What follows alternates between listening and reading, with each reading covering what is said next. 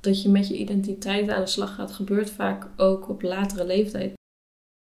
Ja, maar hoe kun je rouwen om iemand die je niet hebt gekend? Dus dat betekent ook dat je niet blij bent met je adoptieouders. Dat je in je omgeving niemand ziet die op je lijkt. Welkom bij Pink Cloud Project. Welkom Jaël. Kan jij jezelf eens voorstellen? Ja, ik ben Jaël, ik ben 31 jaar. Ik woon in Amsterdam.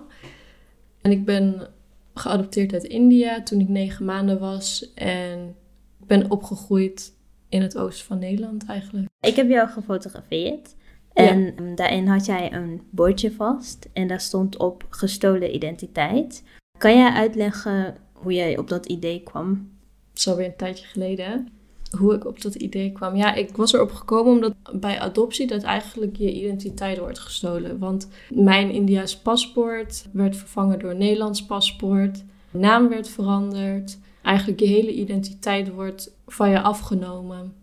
Dus je bent voor de Nederlandse wet ben je geen Indiaas persoon meer. Maar ben je, op, ben je op dat moment, als je naar Nederland gaat en je gaat naar de rechtbank, dan ben je officieel een Nederlands persoon. En zo word je dan ook opgevoed krijgt vaak een andere naam. Niet alle adoptieouders doen dat. Mm Wordt opgevoed met de Nederlandse cultuur, uh, Nederlandse normen en waarden. En eigenlijk wordt je, je oorspronkelijke identiteit, die, die wordt eigenlijk soort van weggevaagd. Dat was dus mijn punt van, mijn, van die foto. Uh, Dat ik een gestolen identiteit op had geschreven. Dat eigenlijk dus je identiteit, hè, je oorspronkelijke identiteit wordt afgenomen zonder toestemming. Dat wordt vervangen door bij mij dan dus de Nederlandse identiteit. Heb je thuis veel dat er over India gesproken kon worden? Of? Ik denk het wel, als ik dat had gewild. Maar ik heb daar nooit heel veel behoefte aan gehad. Er werd ook niet vanuit mijn ouders zelf daar echt aandacht aan besteed. Dus dat ze, dat ze zeiden van hé, hey, uh, dat ze dingen vertelden over India bijvoorbeeld. Of uh, dat, dat niet. Maar het kwam ook niet uit mezelf. Dus, maar ik denk wel dat daar ruimte voor was geweest als ik dat had als ik dat had gezegd. Uh, je was negen maanden. Ja. Ben je daar ooit terug geweest? Uh, nee, ik ben niet uh, terug geweest nog naar India. Ik wil het wel, maar mhm. ja, nu met corona. Dat, ja. In India, vooral in de 80 en 90 jaren, heel veel kinderen ontvoerd mhm. en gehandeld in, in kinderen.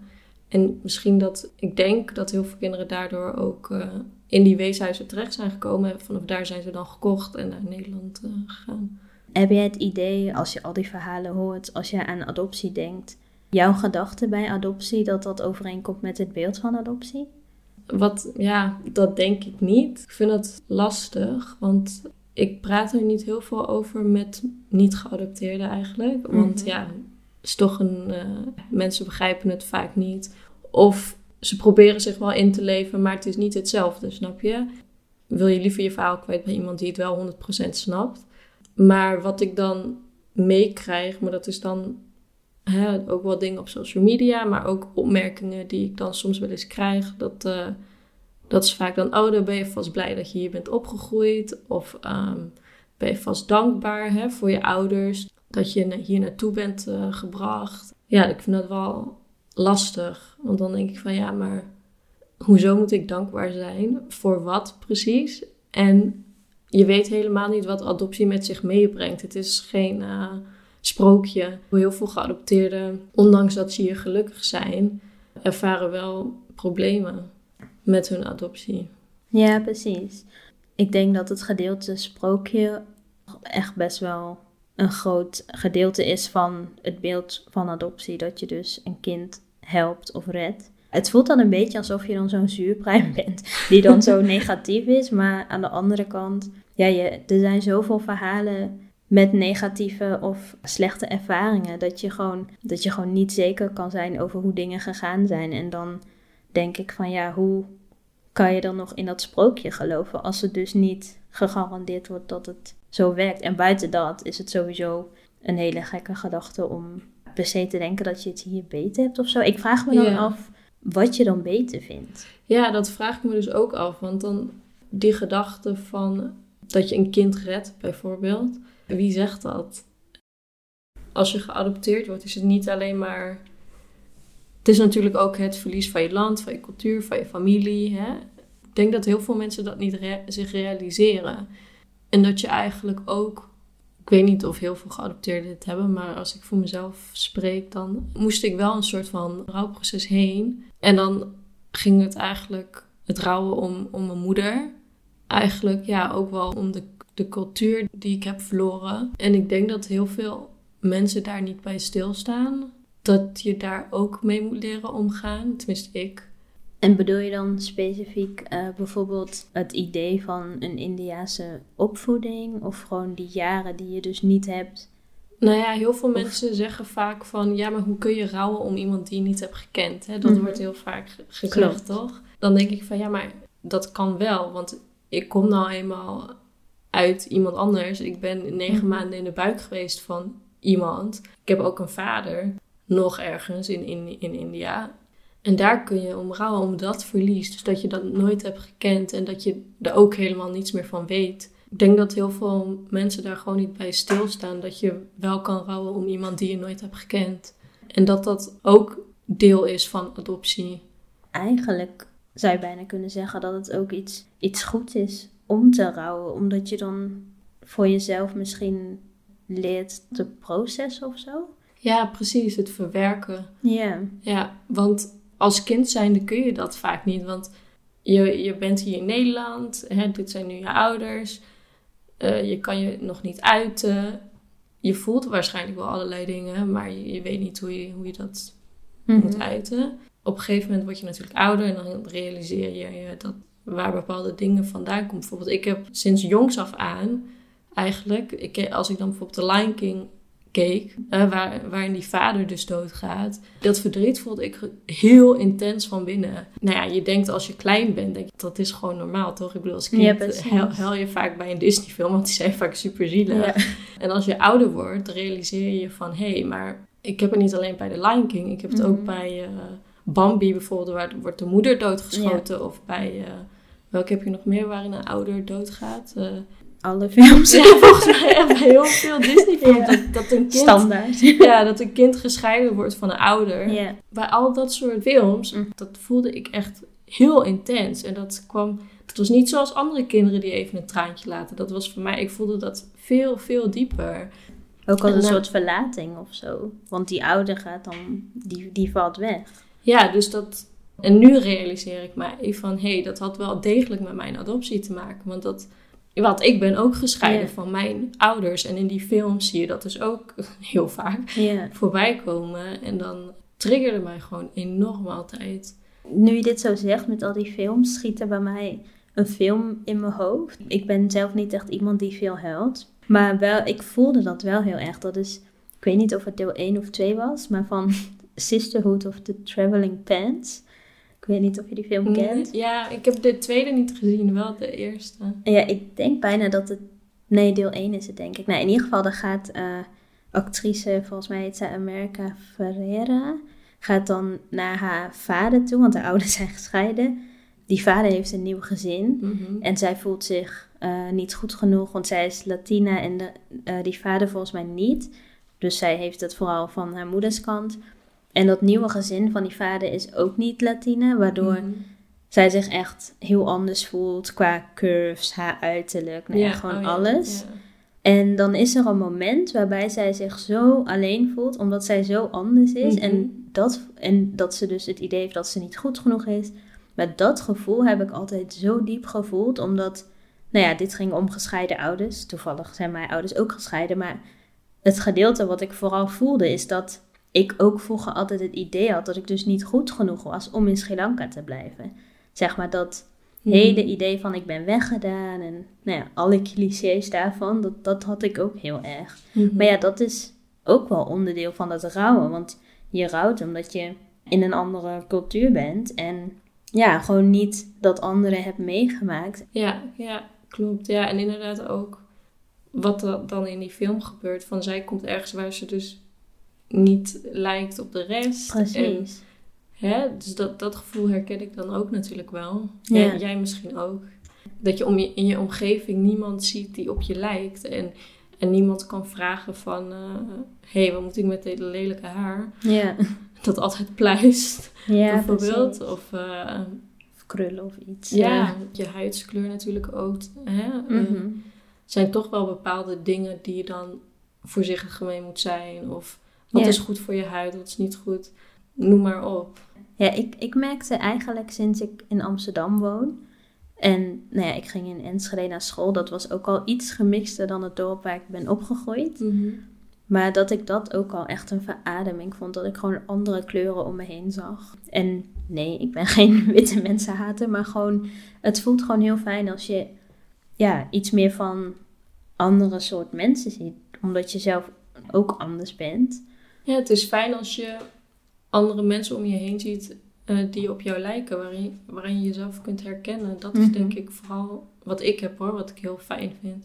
Ik wilde vroeger ook graag wit zijn. Oh ja, ik ook. Ja, Ja. ja, ik ook. Nu denk ik echt, wat zielig eigenlijk. Ja, ja ik ook. Ik wou, ik wou wit zijn. Ik wou geen... Ik heb volle lippen. Daar werd ik altijd mee Mhm. gepest. Dus die, die wou ik ook niet. Ik vond mijn haar lelijk. Er werd ook vaak bevestigd bij mij van ja, je bent bijvoorbeeld apart of bijzonder omdat je exotisch bent. Dan werd er wel ja, iets Oh positiefs God. aangehangen. Ik haat dat zo erg. Oh, want jij hoeft niet in de zon. Nee, dat is fijn. Maar je bevestigt nog steeds dat ik apart ben. Maar Ja, als of jij... zo van... Nee, jij, jij hoeft toch niet bruin te worden of zo. Dan Denk van, Precies. Hallo, in de winter word ik ook heel wit. Zeg maar. Ja. Ik wil ook gewoon een, een mooi kleurtje hebben. In de samenleving is het toch wel vaak dat je, dat je naar de mensen toetrekt waar je op lijkt. Of waar je wat me- gemeenschappelijke dingen mee hebt. Of Hm. dezelfde cultuur. Of dat, ik, dat is heel normaal. Dat, hè, dat is heel iets natuurlijks, denk ik, om te doen. Maar als je geadopteerd bent, kun je dat niet echt. Want je ouders zien er anders uit, je familie ook. Ehm, vaak vrienden zijn vaak ook gewoon Nederlands, wit. Tenminste, in mijn geval was dat toen ik opgroeide.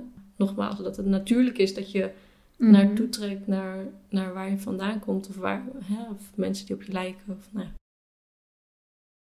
Met mijn zaak, die was dus verjaard en ik was eigenlijk te laat. ja, ja, Dat is ja. nu inmiddels wel eh, anders aan het worden door het rapport.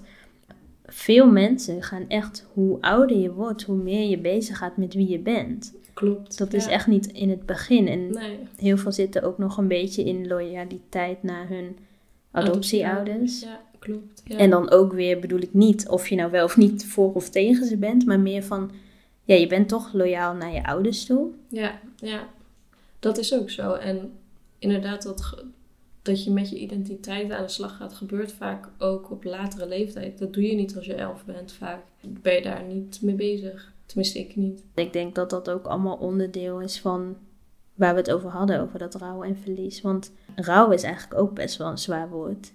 Ja, maar dat, dat hoe moet je het anders noemen? Ja, ik zou niet weten. nee, ze- ik, Ja, ik bedoel, ik- ja, je hebt zeker gelijk. Maar ja, als je een ouder hier verliest aan overlijden, dan, ben je aan het, dan moet je rouwen. Maar in de geadopteerde gevallen, als je dan iemand verliest, moet je nog steeds rouwen. Ja, precies. Of je die persoon nou wel of niet hebt gekend. Het Ja. is nog steeds eh, eh, een verlies geweest. En ook al denk, mensen denken dan vaak, ja, maar je was nog jong. Hè? Ik was Mhm. bijvoorbeeld negen maanden, nou jij was nog jonger. Ja, Dus hoe, eh, je bent toch opgevoed door je adoptieouders, dus dan begrijpen ze niet dat, dat je dan kan rouwen om je, om je biologische moeder of zo. Omdat je, hè, omdat Mhm. je al heel snel een soort van tussen haakjes vervanging hebt gekregen. Dus dan begrijpen ze niet dat, dat los van daarvan dat je adoptieouders hebt gekregen, is er nog steeds dat stukje in India in mijn geval. Hè, je hebt wel in iemands buik gezeten. precies. En negen maanden, als het goed is negen maanden, Ja, eh, krijg je ongeveer van alles mee, zonder dat je dat doorhebt. ja. Ja, ik bedoelde, je ziet wel steeds meer ook verhalen over zwangerschap, hoe belangrijk alles is. Ik bedoel, het is volgens mij al belangrijk wat voor muziek iemand hoort als hij zwanger is. Omdat de baby dan ook al, dat hoor je vaak Mhm. van dat soort verhalen. Of nou ja, wat voor eten diegene eet. Of ja, alles is zo belangrijk. Dus dan, Ja, het staat allemaal in connectie met elkaar. Precies. En op het mom- moment dat je een kind weghaalt bij zijn moeder, verbreek je een bepaalde band. En dat moet geheeld worden op de een of andere manier. Wat ik dan had toen, nou ja, nu heb ik het misschien minder heftig, maar toen ik klein was, dat ik dan zo'n trigger was van een Disney-film. Mhm. En dat het dan echt, dat ik zulke intense verdriet voelde. En dat is eigenlijk ook een, een manier van rouwen misschien. Of dat wordt op dat moment getriggerd. En, Ja, sowieso een trigger van verlies. ja. en vooral ook als je klein bent, je, hebt, je weet het gewoon niet. Misschien probeer je wel te rouwen, maar je kan het niet benoemen. Je weet niet, het is lastig als je klein bent. Wat ik zelf bijvoorbeeld heel jammer vind, is dat ik dus geen Singalees of Tamil spreek. Dat heb ik ook nooit geleerd. Ik zou dat wel graag willen leren. Maar er zijn ook adoptiekinderen die wel al konden praten. Ja, En ik snap bijvoorbeeld ook bizar, niet ja. dat dan, want dan is het ook een soort van rouw en verlies dat je die taal verliest. Ja, ja, want als je je al kan uiten in een bepaalde taal, in je moedertaal, en dat wordt van je afgenomen, ja, dat lijkt me echt heel, heel vreemd. Ik kan Ja. me dat ook helemaal niet voorstellen, ook dat, eh, want ik ken toevallig wel geadopteerden uit India, Mhm. die op latere leeftijd zijn geadopteerd, rond vier jaar, Oh, wow. wat ook echt oud is, vind ik. Maar dan ga je al Maar- naar school in Nederland. Ja, maar dan in ieder geval, je hebt al herinneringen, Mhm. je spreekt de taal al deels, je verstaat het in ieder geval al wel. Precies. Ik vind dat zo bizar. En dat je opeens de taal die jij gewend bent te spreken, kun je niet meer spreken of mag je niet meer spreken. Of... Nee, dat is gek, Ja, omdat niemand Ja. het hier verstaat. en opeens ben je niet meer bij je familie, maar ben je bij vreemde mensen opeens terechtgekomen. het feit dat er dan ook niet, bijvoorbeeld vanuit adoptieouders, die hebben dan niet ook die taal geleerd om jou te begrijpen. Dat, Nee, dat- precies. Het, Nee. Is, het is van het kind komt hier in Nederland en die moet zich gaan aanpassen. ja, en dat is dan ook weer nou ja, onderdeel En dat van... is. Maar ik vind dat ook lastig, snap je? Ik weet niet of jij dat Mhm. lastig vindt, maar ook al ben ik hier opgegroeid en spreek ik de taal, Mhm. toch vind ik het wel lastig. Want ik heb zoiets van, ja, maar denk gewoon vaak aan hoe het anders zou zijn geweest als ik toch in Sri Lanka was opgegroeid. Want juist omdat er vaak wordt gezegd, en ik heb ook inmiddels haatmail daarover ontvangen, dat eh, ja, anders had je in 40 graden thee moeten plukken of was je in een bordeel geëindigd. Maar dan denk ik, net zo goed als dat ik niet weet wat er van terecht was gekomen, weten we ook niet of dat een scenario had kunnen ja, zijn. precies. Ik dat bedoel, is ook zo. Maar dat is weer dat beeld van wat mensen dan hebben. Oh, Sri Lanka is een derde wereldland. Iedereen is arm. En dus was je, maar, was je dan zo en zo beland. Want er is verder niks anders in Sri Lanka. Nee, Zo. precies. Nee, alleen bodelen en... bodelen heet dat zo? Ik weet het niet. Maar in ieder geval Ja, alleen... het is eh, allemaal arm en het is Precies. allemaal... Ja, Alleen maar thee. ja. Ja. Dat noem ik dan altijd wat als theorie. Zo van, ja, dat weet je niet. Nee, dat, Dat- weet je ook niet. Misschien was ik heel blij als kokosnootverkoper. En dat klinkt heel Ja. neerbuigend. Want je hebt ook echt wel meer dan kokosnootverkoper. Maar daar bedoel ik meer mee te zeggen van... Het gaat niet alleen om materiaal, materiaal en... Ja. Ja, Het draait niet om geld. En dat is wat, wat inderdaad ook het beeld wat heel erg hier is van ja, maar hier heb je het toch goed. Mhm. Hier heb je bepaalde kansen gekregen. Hier kon je een opleiding volgen. Maar dat zijn allemaal.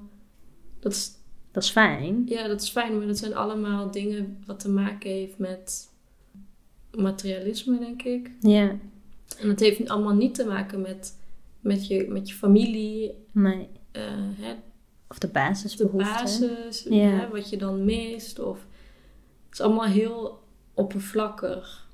Zo van, ja, als je opleiding hebt gevolgd, Mhm. je bent financieel stabiel, eh, ja, dan is het allemaal goed. Dat is alles wat je nodig hebt om een goed leven te kunnen leiden, maar dat, precies. terwijl dat helemaal niet zo is. Heb jij zelf wel eens dat er naar jou gekeken werd op het ene moment ben je wel Nederlands, maar op het andere moment ben je ook buitenlands? Dat weet ik eigenlijk niet, want mensen zeggen dat natuurlijk niet eh, in Nee. gezicht. Maar wat ik wel merk is dan wel vaak dat geadopteerden worden gezien voor- als Nederlander. Hè? Ja. Als ik zeg dat ik geadopteerd ben, dan is het vaak van, oh, maar... Dan zeg ik, ja, maar ik, ik heb ook een kleurtje. En dan, en dan is het bijvoorbeeld, ja, maar jij hebt het anders. Jij bent gewoon Nederlands. Dan krijg je vaak dat soort opmerkingen. En als ik dan op social media bijvoorbeeld dingen lees, bijvoorbeeld toen jij eh, die rechtszaak had. En dan wordt er weer vaak dingen gezegd als, ja, ga dan terug naar je eigen land, eh, buitenlander. eh. Dus het is maar net wat mensen uitkomt. precies. Op het ene moment ben je een, Nederlander voor ze, want je hebt Nederlandse ouders volgens Mhm. de wet. En het andere moment eh, ben je een buitenlander omdat je Ja, dat klopt. Het, ja, het is inderdaad net hoe het uitkomt. Maar ik vroeg mijzelf vroeger best wel vaak af. Zodra ik dan inderdaad liet weten van ik heb Nederlandse ouders. En dan, dan merkte ik een soort van opluchting bijna of zo. Ja, precies. Een beetje zo van, oh je, hoort, je bent een van ons. Ja, en dan denk ik toch altijd van... Oké, maar wat nou als het dus niet zo was? Wat nou als mijn biologische ouders hier waren? Ik dus niet een van jullie was? Wa- ja, niet een van jullie ben. Ja, had je dan nu in deze seconde in één keer anders gedacht? Precies, dat vraag ik me dan ook altijd af. Het is inderdaad wat jij zegt, van inderdaad een soort van opluchting of zo. Van, oh, ja, je bent tussen haakjes eh, gewone Nederlander. Je hoort bij ons of zo. Het is heel raar eigenlijk. Ja, ik, ja het, het is bizar. Ja. voel jij je ook, eh, soort van, heb je het idee van, ook ben we ook wel echt, ja, iemand uit India? Of, Mm, ja, aan de ene kant wel. Omdat, ja, ik zie er zo uit. ja. ja, Ja, ik bedoel, je kan het niet ontkennen. Ik bedoel, ja, dus aan de ene kant wel, maar aan de andere kant... Het is ook lastig, want ik ben niet opgevoed met de Indiase cultuur. Ik ben niet opgegroeid in India. Dan is het is moeilijk om dan je Indiaas te voelen. Maar ja, aan de andere kant wordt het wel heel vaak weer bevestigd. Want het wordt heel vaak aan mij gevraagd, waar kom je vandaan? Eh, Nee, maar waar kom je echt vandaan? ja, precies. Waar kom je echt vandaan? Dus er wordt wel heel vaak mensen die jou erop aanspreken dat je er anders uitziet dan de gemiddelde Nederlander misschien. Eh, Zou het ook kunnen zijn dat geadopteerden ook misschien niet weten, hoe, nee, in jouw geval India en in mijn geval Sri Lanka, hoe je je India's of Sri Lankaans moet voelen, omdat je dus inderdaad een heel groot gedeelte mist? ja, dat is het ook. Je weet ook niet zo goed hoe en wat. En Ja. dat maakt het ook lastig natuurlijk, ja. Ja, het is eigenlijk best gek nu ik over nadenk. Van ja, eigenlijk ik probeer de laatste tijd bijvoorbeeld heel veel met, met koken bezig te zijn. En op die manier eh, een verbinding met Sri Lanka te maken. Maar Mhm. het is misschien hetzelfde als iemand die niet uit Sri Lanka komt, die bijvoorbeeld de Sri Lankaanse keuken ontdekt. Omdat je niet ermee Ja. bent opgegroeid. Maar ja, ik weet het niet zo goed. Ja, het is lastig, hè? Ik, ik heb het inderdaad ook. Ik, ik probeer dan, als ik me meer van India wil weten of meer van de cultuur, dan is het vaak inderdaad met eten of muziek of films. Of me te verdiepen in de cultuur en de geschiedenis. Het is wel lastig, ja. Het is wel, je voelt je een beetje een vreemde, maar eigenlijk ben je dat niet. Dat is eigenlijk heel gek. Ja. Je zei net dat je ehm, nee, vaak, de, vaak de vraag krijgt, eh, waar kom je nou vandaan? Heb je ook wel eens dat mensen dan gaan raden waar je vandaan komt en zitten ze er dan vaak naast? Ja, ik hoor echt van alles. Ik hoor eh, Indonesië, eh, heel vaak ook Zuid-Amerikaans, Oh ja. Marokkaans heb ik wel eens gehoord, Frans. Eh, Oké. Echt van alles dat ik echt denk, oké. Ja, maar dat, maar dat is het ook, hè? Want dan gaan mensen iets, soort van, gaan ze raden en dan denken ze, oh leuk, weet je wel. En dan denk je echt, oké, ja, kan dit moment voorbij zijn? Ja, ik vind, dat, ik vind ook sowieso die vraag van waar kom je vandaan, vind ik een hele vreemde vraag. Want ik woon hier, Ja, dus boeien. ja, ik bedoel, Ja, ja. ja. nee, dat Ik vraag toch ook niet aan elke witte persoon die ik eh, tegenkom in de kroeg of op het werk van hé, hey, waar kom je vandaan? Dat vraag ik toch ook niet? Nee, nee, precies. En als ze dan zeggen ja, ik kom uit, eh, weet ik veel, Zwolle. En dat je dan zegt nee, maar waar kom je echt vandaan? Zweden. Nee. ja, ja, nee, maar het is toch super Ja. vreemd. Zeg maar, de, de mensen die ik om me heen zie, die zie ik gewoon als Nederlanders, ongeacht Mhm. hoe je eruit ziet. Wat dan ook weer dubbel is, is dat sommige, eh, bijvoorbeeld bepaalde vriendinnen van mij, die zien er ook uit alsof ze buitenlanders zijn, maar die zijn gewoon hier geboren. Dus eigenlijk Mhm. is het ook wel weer een heel, ja, hoe zeg je dat? Zeg maar, voor ons is het vermoeiend, Ja. maar we komen wel echt ook ergens anders vandaan. Maar toch is het vermoeiend juist omdat dat één groot vraagteken is en een Ja. heel vaag moeilijk verhaal. Maar het lijkt me ook lastig voor mensen die dus hier zijn geboren. te- om dan ook telkens weer. Nee, eigenlijk is het voor iedereen irritant. Maar gewoon een beetje het ja, uit te moeten leggen. Alsof je iemand een verklaring schuldig bent. Ja, precies. Dat is het ook inderdaad. Alsof je moet verantwoorden hè, waarom jij er zo uitziet. Ja. Terwijl Nederlanders komen nou eenmaal aan allerlei maten en kleuren en vormen. En er is niet één één soort Nederlander. Dat bestaat niet. En anders hadden ze misschien niet vroeger naar al die landen moeten gaan. Ja, ja precies. Of, of uh, al die arbeidsmigranten uh, naar. Nederland moeten halen, ja. Ja. Dat was op de rand. maar het is wel waar. En jij noemde ook één keer eerder het woord dankbaar. Dat is best nog wel een veel voorkomend onderwerp. Dat, dat er vaak wordt gedacht dat je dankbaar moet zijn. Omdat je dus een betere toekomst hebt gekregen. Ja. Maar ik hoor het soms ook van geadopteerden zelf. Uh, dat ze dankbaar zijn dat ze hier zijn opgegroeid. En dat, ja, dan denk ik van oké. Ja, ik weet niet. Ik vind dat gewoon heel. Ja, het is heel krom. lastig. Want dan denk ik, oké, okay, dus je bent. Tuurlijk, je kan gelukkig zijn met de adoptiefamilie die je hebt. En, Mhm. en hè, met alles wat je hier hebt opgebouwd. Tuurlijk, daar mag je trots op zijn. En dan, hè, ik ben blij juist dat, dat je daar dat je gelukkig bent. Uh, vraag, ik vraag me dan af van, denk zij dan niet aan bijvoorbeeld de biologische familie? Of bijvoorbeeld, misschien zoeken ze je al wel 30 jaar of uh, hoe oud je ook bent. Uh, ja. Zeg maar, doet dat je dan helemaal niks? Ik, ik weet niet, ik vind dat altijd zo... Ik vind dankbaar ook heel lastig, want inderdaad, sommige mensen die um, ja, geadopteerden zelf inderdaad zijn dan dankbaar. Ik bedoel, ik ben ook heel blij uh, met mijn adoptievader, maar dan bedoel ik niet van ik ben blij dat ik geadopteerd ben, dus daarom ken ik hem. Nee, ik ben gewoon in het algemeen blij met hem. Ik heb een goede band. Maar we zijn allebei, ook hij, echt teleurgesteld dat ik niet weet hoe mijn ja. ja, geschiedenis is. Dus het is, Ja. ik, ik heb bijna het idee als je niet dankbaar bent, om even dat woord te gebruiken, dan dat je dan dus een soort van ondankbaar bent. En ondankbaar Ja. is meteen weer zo radicaal de andere kant op. Ja, precies. Dat vind, dat vind ik dus ook. Want dan, datzelfde is een beetje, dat heb ik ook wel met mijn ouders, van ik ben blij met de ouders die ik heb, maar dat betekent niet dat ik niet kritisch mag zijn over mijn adoptie. Dat Ja. staat los van elkaar. Ja, Ik mag hier gelukkig zijn in Nederland, maar dat betekent niet dat ik inderdaad eh er dankbaar voor moet zijn of dat ik geen kritiek mag uiten op het, op het systeem. ja. nee, zeker. Dat zijn gewoon twee verschillende dingen. Dat staat los van elkaar. En mensen zien dat vaak als één geheel. Van, oh, dus jij hebt eh, commentaar op je adoptie, je hebt kritiek daarop. Dus dat betekent ook dat je niet blij bent met je adoptieouders. En dus dat betekent ook dat je hier niet gelukkig bent. Terwijl het gaat niet altijd samen. nee, precies. Nee, daar ben ik het echt volledig met je eens. En ik denk dat mensen dat los van elkaar moeten zien. Dat dat, eh, En je kan heel blij zijn dat je hier bent. Maar je mag ook kritiek hebben op het systeem waar je, waar je in bent gekomen zonder enige toestemming.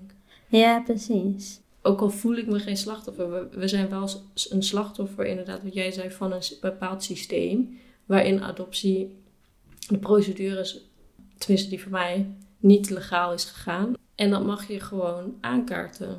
Ik had laatst, dit is heel klein zijspoor.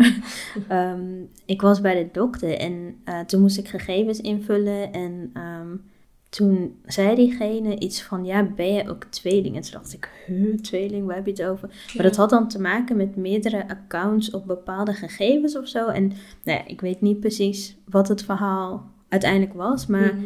ik kreeg het helemaal heet, Spaans benauwd gewoon. Van, Ja.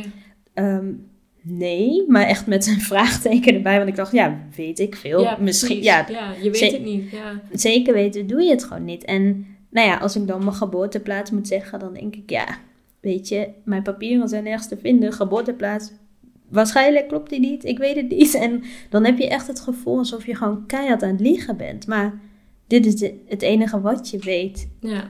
Dus ja, dan, en het staat in je paspoort. En ja, ik weet niet, dat, soms gaat dat helemaal zo in zo'n cirkeltje dat je echt, ja, misschien, ik bedoel, zullen vast heel veel zijn die dat niet hebben, maar ik heb dan echt het gevoel dat ik sta te liegen of zo. Ja, ik heb niet zo gevoel dat ik sta te liegen, maar het is meer van... Ja, ze willen een antwoord, dus je geeft er maar eentje of zo. Ik weet niet, ik vind dat ook altijd lastig hoor, bij, de, bij, de, eh, bij het ziekenhuis of bij de dokter. eh. ze dan vragen van, ja, we- ja over je familiegeschiedenis. Ja, komen er bepaalde ziektes voor in je familie? En dat is gewoon één groot vraagteken. Ja, ik vind dat wel lastig, denk ik. Dan denk ik van, ja, dat zijn wel bepaalde dingen Mm. Hè, dat had ik wel graag willen weten. Want ja, Dan kan ik zelf ook, eh, als dat nodig is, bepaalde maatregelen nemen Ja, voor mijn gezondheid. Maar ja, dat kan niet. dat, dat is dan wel een van de voorbeelden. Wat gewoon makkelijk als voorbeeld te gebruiken is voor mensen die adoptie niet kennen. Omdat dat dan iets dichter bij, ja, bij huis komt. Van, Mhm. ja, stel je, je hebt inderdaad ergens last van en je moeder heeft dat ook. Dan is het grote kans dat het in de familie zit. En dan kan je dat ook weer aan je kinderen uitleggen. Van nou, dit zit in de familie, hou daar rekening mee.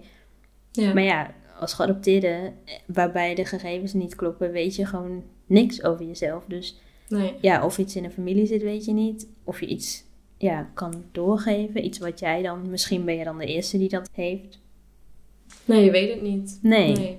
Als dat soort dingen al niet kloppen in je papieren van waar je bent geboren of de datum. Dat, eh, als er allemaal vraagtekens bij staan, dat, eh, ja, dat is inderdaad je basis. En als je geen basis hebt, dan is het heel lastig om verder te komen. Voor het kind maakt het niet uit door wie of waar het wordt opgevoed. Nou ja, ik denk dus dat het wel zo is. Ja, maar- precies. dat, weet, dat is inmiddels denk ik wel duidelijk. Ja, ja ik, ik denk soms, en dat is een heel, misschien letterlijk een zwart-wit voorbeeld. We hebben een getint tot donkere huid. Volgens mij is dat al punt 1 eigenlijk, dat het belangrijk is dat je bijvoorbeeld zon krijgt. Ja, hele, ja, misschien simpele ja, gedachten, maar... Vitamine D tekort, ja. Ja, want dat. En natuurlijk, er wonen meerdere mensen om andere redenen ook in Nederland. En die hebben dat ook. Of gewoon, nou ja, whatever. Maar dat, dat is al iets, een klein puntje wat misschien ermee te maken heeft. Of inderdaad, wat jij net zei, de cultuur die je dan niet meekrijgt. Of. En sowieso door wie je wordt opgevoed, is denk ik ook wel heel belangrijk. Ja, Want ja. dat kan je gewoon maken tot wie je uiteindelijk ook wordt. Ja, ja, precies. Ja, ik denk dat het... eh, voor, ja, voor het kind maakt het dus wel uit door wie of wat. En ik denk dat het beste gewoon is... Bij, als het niet bij de ouders kan, dan bij familieleden in het land waar ze geboren zijn. Dus dat ze inderdaad wel nog de, de eigen cultuur meekrijgen. En niet eh, verscheept worden naar de andere kant van de wereld. Waar ze eigenlijk ja, helemaal niet thuis horen, om het zo maar te zeggen. Weet je wat ik trouwens ook, dat bedenk ik me nu net, dat zeg maar als je dus inderdaad kritisch bent op adoptie, wat wij hier ook zijn, dat je eigenlijk altijd meteen met een alternatief moet komen. Zo van, oké, je vindt dus adoptie slecht, dus, eh, nou ja, slecht is misschien weer een beetje plat, maar je vindt adoptie niet zo goed. ehm, je wil dus niet dat het kind naar Nederland gaat. Wat moet er dan mee? Dan denk ik, ja, maar ik ben niet de persoon die met de oplossing moet komen. Ik, ik ben alleen kritisch op wat tot nu toe de oplossing is. Ja, precies. Er zijn nog zoveel wegen tussen die, waar dan niet naar gekeken wordt. En als je dus kritisch bent, moet je meteen maar de oplossing hebben. Ja, precies. Maar het is complex. Het is niet zo zwart-wit. Het is, eh, adoptie blijft iets complex. En dat kun je niet zo 1, 2, 3 eh, oplossen of zo. Of, Nee, precies. Ja. Wat zou jij zeggen als jij nu hoort dat iemand wil gaan adopteren in het buitenland? Met alle informatie van, van nu. van nu. Ja, v- dat, dat begrijp ik echt niet. Kijk, in de jaren 90, in de jaren 80, nou ja, in de jaren 80 was er eigenlijk ook al bekend dat, dat er illegale praktijken waren. Dus begrijp ik het ook niet helemaal dat er toen zoveel gebeurde. Maar met de kennis van nu, 2021, en eh, ook met het onderzoeksrapport wat is uitgekomen. En met alle verhalen die, eh, die van de geadopteerden nu naar buiten zijn gekomen, vind ik het gewoon niet eh, verantwoord dat mensen nu dan nog een kind willen adopteren uit het buitenland. Nee, dat, dat, dat, daar Nee. kan ik met mijn hoofd gewoon niet bij. Hè? Nee. Met alle kennis van nu. En dan denk ik van ja, dan staat toch weer die, die, eh, die kinderwens die moet in vervulling gaan. Ja, koste wat precies. kost. En dat vind ik lastig. Ja. Dat mensen dan nog steeds denken van...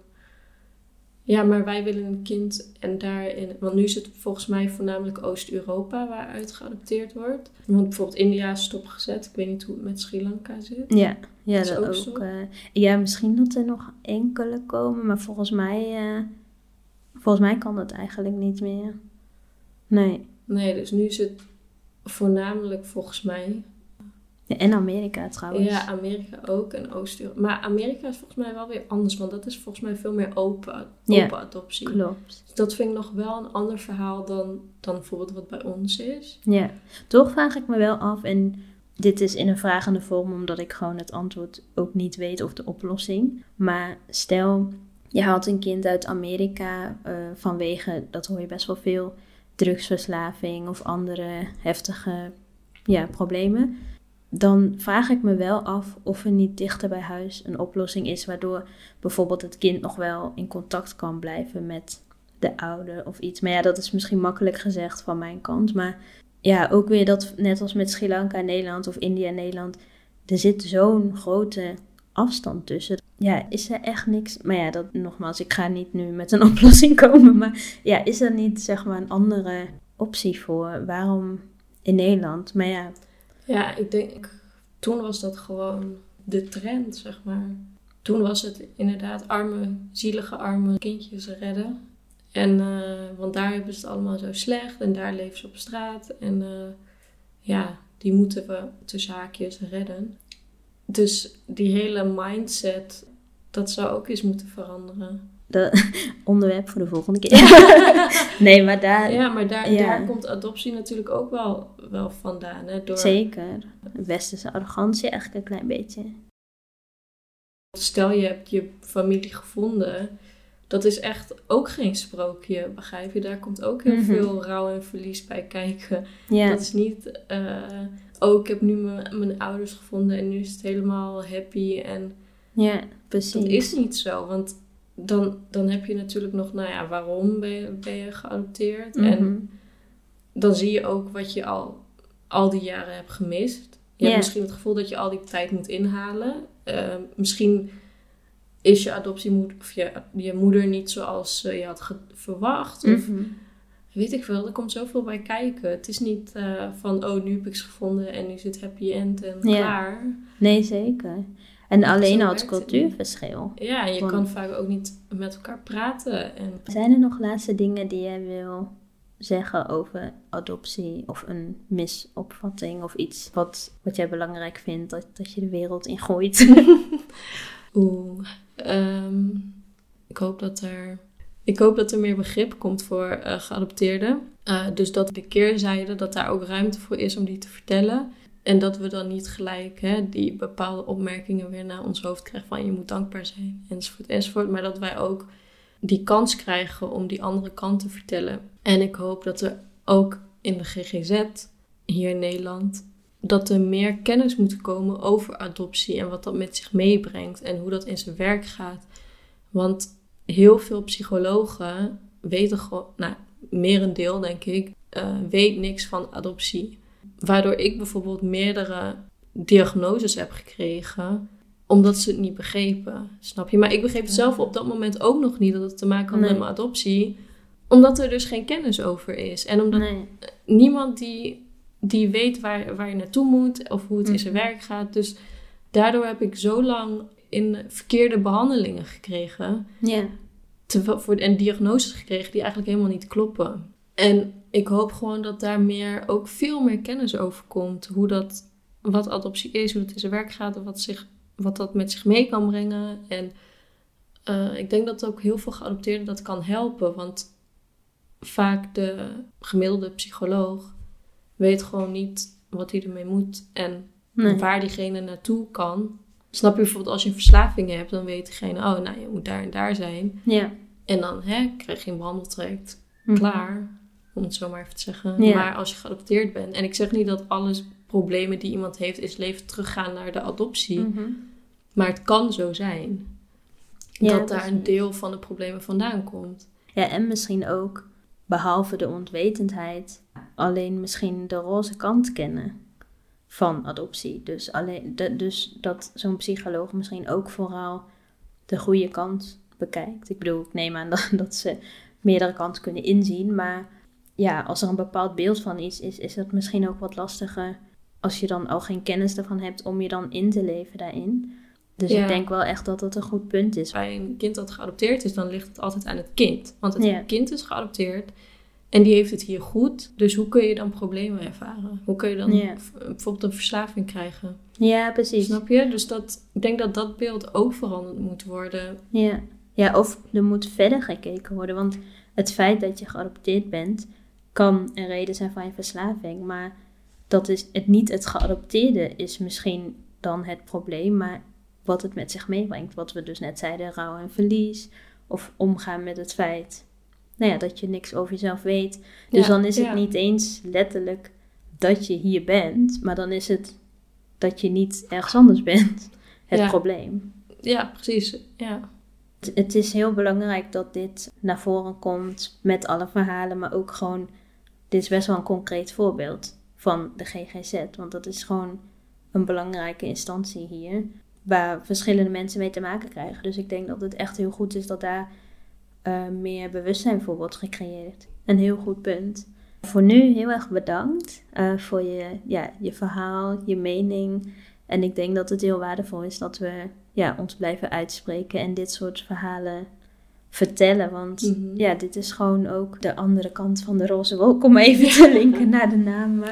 Ja. Dat- ja. ja, ik hoop dat het gewoon... eh, dat we kritisch kunnen blijven, maar dat het op een gegeven moment niet meer nodig is. Dus eh dankjewel hiervoor. Alsjeblieft. Jij ook bedankt.